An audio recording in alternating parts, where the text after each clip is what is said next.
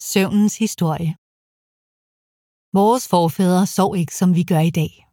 Døgnrytmen fulgte det naturlige lys. Men i dag bestemmer det kunstige lys, hvornår vi kan og vil sove.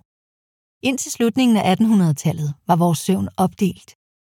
Det var normalt at gå i seng omkring kl. 20 og sove til midnat, hvor søvnen så blev afbrudt af en vågen periode på 1-2 timer.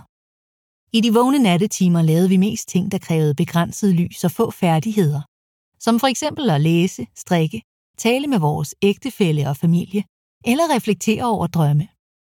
Herefter faldt vi i søvn igen og sov cirka 4 timer. Efter den industrielle revolution blev vores søvnmønster ændret. Noget, der især kan tilskrives opfindelsen af det elektriske lys. Elpæren gav os mulighed for at gå senere i seng, og vi begyndte nu at sove uden afbrydelser. Den industrielle revolution satte også mere fokus på at bruge sin tid effektivt, så vi begyndte at arbejde mere og sove mindre. Og for under et årti siden nåede vi til endnu en ændring af vores søvn. De elektroniske skærme er blevet en stor del af vores hverdag og vores hjem. Pludselig har vi verden for vores fingerspidser. Underholdning, nyheder, venner. Det hele inden for ganske få klik. Og vi har udviklet en afhængighed, der forstyrrer vores søvn.